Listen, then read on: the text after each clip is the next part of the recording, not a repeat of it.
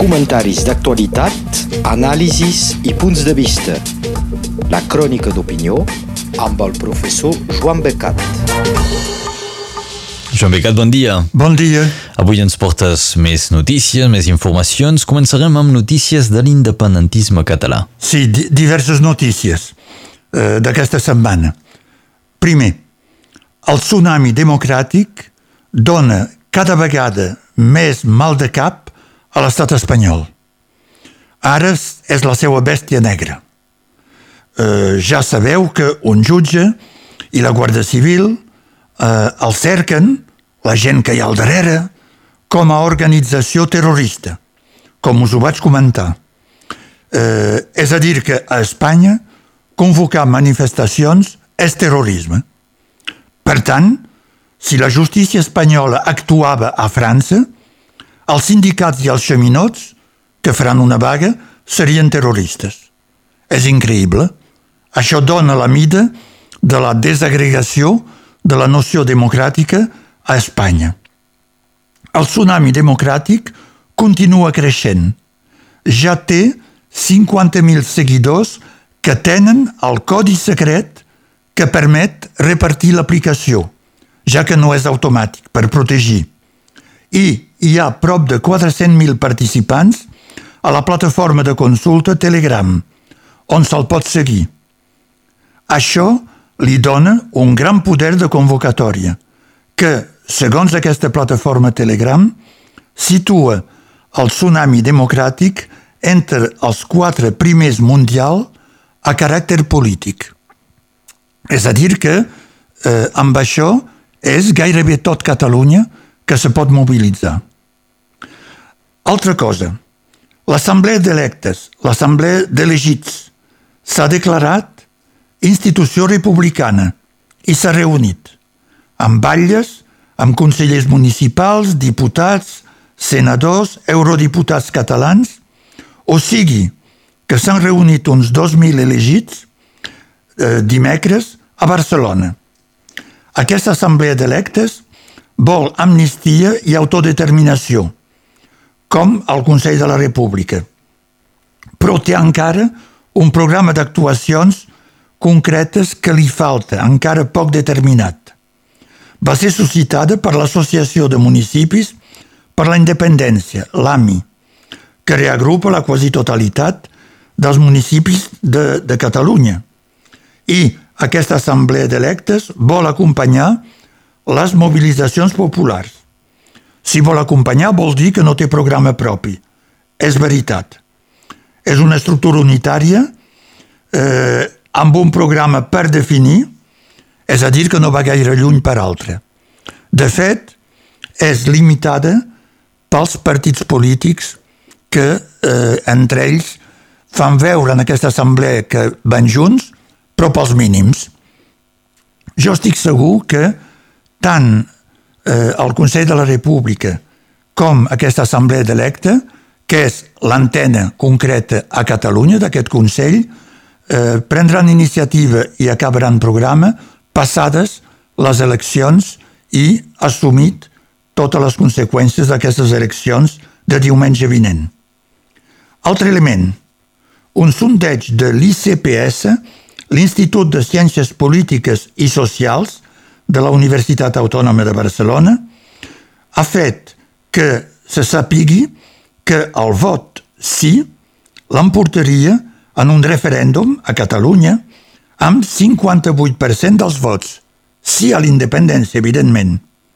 S'entén, amb aquest percentatge, que el govern espanyol de Pedro Sánchez, com abans el govern de Mariano Rajoy, no vulgui acordar cap referèndum, car és segur que el perdrien, i de lluny.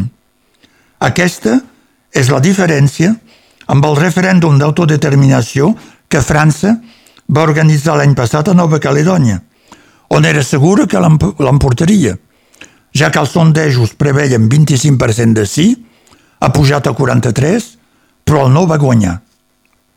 Més notícies. Alguns centenars de joves fan una acampada a la plaça Universitat, al centre de Barcelona, des de fa una setmana. Protesten contra la repressió i contra la sentència. es veu que són els joves que més eh, manifesten i tenen un efecte de, de, de fer funcionar la resta de manifestants, que també hi són. I allí, com s'ha dit a les notícies d'avui mateix, tota la família real espanyola va venir a Barcelona. El rei, la reina, les filles, tothom, en plena campanya electoral, amb discurs del rei, a presidir la nit dels Premis Princesa de Girona. Per què hi ha uns Premis Princesa de Girona a Barcelona?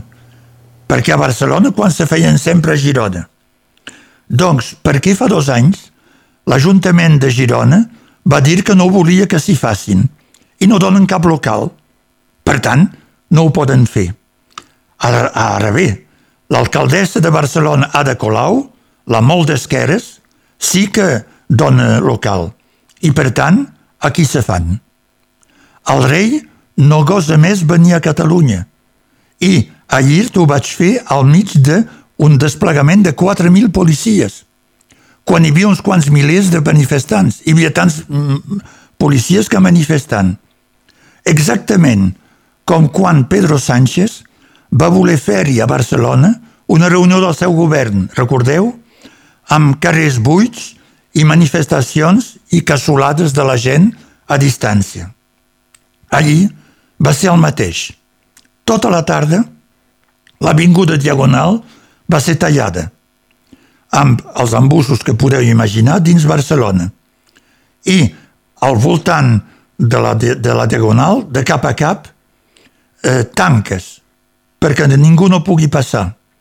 I milers de manifestants al voltant cridant contra el rei i picant cassoles. Realment, una benvinguda excepcional. Era, evidentment, aquests premis un acte polític per ajudar els partits espanyolistes però me fa l'efecte que també va ajudar l'independentisme, que ho va prendre com una provocació. Sembla que ho era, una provocació, i si no, era molt ben imitat. Bé, d'aquí les últimes hores del que passa a Catalunya. Ara ens parlaràs també d'algunes notícies sobre la campanya electoral espanyola. Efectivament, en cal parlar, perquè el vot serà diumenge i eh, cal perfilar una mica el que està passant per entendre millor eh, la setmana vinent els resultats. Doncs eh, la campanya s'acabarà eh, aquesta setmana i jo no acabi d'entendre la campanya electoral de Pedro Sánchez i dels socialistes espanyols. O, més ben dit, eh, l'entenc tan bé que me sembla somiar despert. En efecte, no fa una campanya d'esquerra o d'esquerra moderada, com tocaria als socialistes, sinó que els temes són el nacionalisme espanyol, l'ultranacionalisme i el càstig de Catalunya. A veure qui és el més ferotge contra Catalunya, de la dreta o dels socialistes. Exactament com si ell fos Pablo Casado i el Partido Popular o Albert Rivera i Ciudadanos. Molt probablement, Pedro Sánchez vol recuperar vots de Ciutadanos, que va de baixa, o vol facilitar un suport d'aquestes dues formacions de dreta per formar un govern després d'unes eleccions on tot deixa preveure que ningú no tindrà majoria. Per tant, és tot Espanya que se'n va, que rellisca cap a un nou franquisme. D'una banda, els socialistes van cap a la dreta – la dreta del Partit Popular ha relliscat vers l'extrema dreta amb l'elecció de Pablo Casado. Ciutadans sempre ha estat més a la dreta que el Partit Popular, tot i, tot i que se diu de centre. I els feixistes de Vox sembla que faran un bon resultat i no poden anar més a l'extrema dreta perquè són feixistes. És doncs tota Espanya que sembla inexorablement relliscar cap al feixisme. Me voldria equivocar.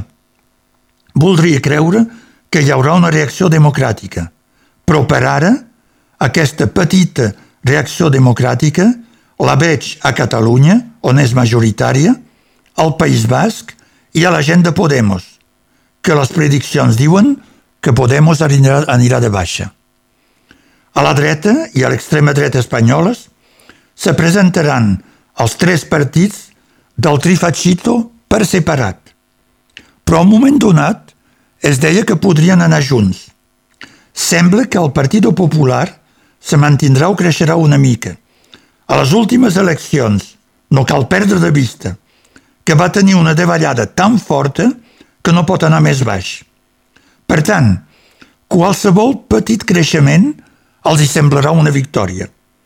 Ciutadanos anirà de baixa, segons sembla, menjats per Vox, cosa que demostra que Ciutadanos és molt a la dreta. I eh, Vox se consolidarà. Ara bé, en la campanya, en la precampanya electoral, hi va haver un detall que jo trobi interessant dins la preparació del Partit Popular. En efecte, en previsió d'una possible coalició de dreta que finalment no s'ha fet, en aquestes eleccions, Partit Popular i Ciutadanos, més alguns altres, el Partit Popular ha registrat la marca electoral Espanya suma i també Catalunya suma, Baleares suma, Comunitat Valenciana suma. Quatre. Un per tot Espanya i un per cada país català. És a dir que, en aquesta hipòtesi, hi hauria una etiqueta per a Espanya i més etiquetes diferents pels països catalans.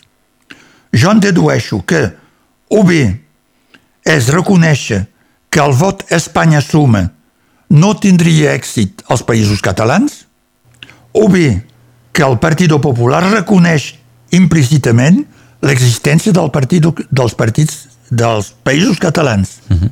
o els dos alhora, uh mhm. -huh. Que és el que crec. Bé, d'aquí per l'actualitat a reparar que abans, vols explicar qui són els Mossos d'Esquadra? Sí, perquè la, la violència de les brigades mòbils dels Mossos d'Esquadra, semblant a la de la policia espanyola, ha sorprès molta gent.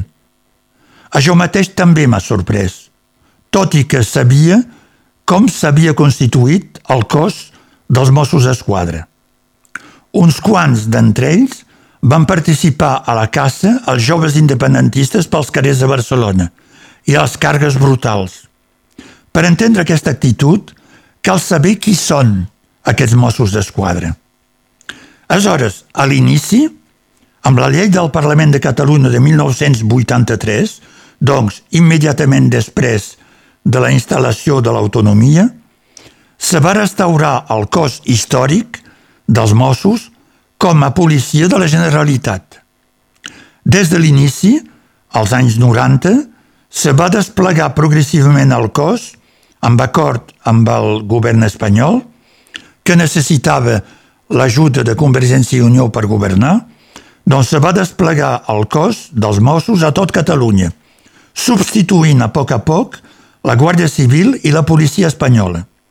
Era l'època de les autonomies, no se parlava d'independència i el catalanisme no molestava gaire, cosa que facilitava la incorporació de policies, encara que alguns eh, tinguin una posició ferotge contra el catalanisme de l'època, que no anava tan lluny eh, com ara. Doncs, a l'inici, sota la presidència del president Jordi Pujol, es van reclutar els primers Mossos, les primeres promocions, uns quants centenars. Se'ls va formar com a policia catalana, democràtica, al servei de la gent. És la imatge que tenim dels Mossos. Progressivament, als anys 90 i 2000, van anar substituint la Guàrdia Civil en les zones rurals i les petites ciutats i la policia estatal, sobretot en les grans ciutats. Però al cap de pocs anys, la substitució dels cossos estatals a comarques i ciutats portava que centenars i milers de guàrdies civils i de policies espanyols se veien obligats a marxar fora de Catalunya. Però molts hi eren instal·lats des de fa molt de temps. S'havien instal·lat, tenien casa, els fills nascuts a Catalunya no volien marxar. Com per qualsevol treballador que se li tanca la seva empresa, no se'ls podia tirar fora sense veure cas per cas les situacions personals. Per tant, cada vegada que la policia espanyol o eh, espanyola o els, la Guàrdia Civil marxaven d'una comarca i que calia, doncs, eh, reclutar una quantitat equivalent de Mossos, se va decidir que se donaria prioritat de reclutament als que eren policies o guàrdia civil que es volien quedar i que, doncs, van passar directament a Mossos d'Esquadra. Els altres Mossos eren reclutats, eren joves catalans directament formats a Catalunya. Per tant, dins els cos dels Mossos d'Esquadra hi ha alguns milers d'antics guàrdies civils i policies espanyols que probablement no han perdut la seva manera de pensar i que deuen ser molestos de veure l'independentisme s'estendre tant. Dins les càrregues de la setmana anterior, que feien junts policies espanyols i brigades mòbils dels Mossos, segur que hi havia Mossos, ells mateixos, antics guàrdies civils o policies, que se retrobaven entre col·legues per picar de valent sobre els joves independentistes. déu nhi el perfil que ens pinta avui Joan Becat d'aquests Mossos d'Esquadra. I que correspon a la realitat. Uh mhm. -huh. Un tema que tractàvem avui en aquesta crònica d'opinió. Joan Becat, moltes gràcies. Bon dia a totes i a tots. Comentaris d'actualitat, anàlisis i punts de vista. La crònica d'opinió amb el professor Joan Becat.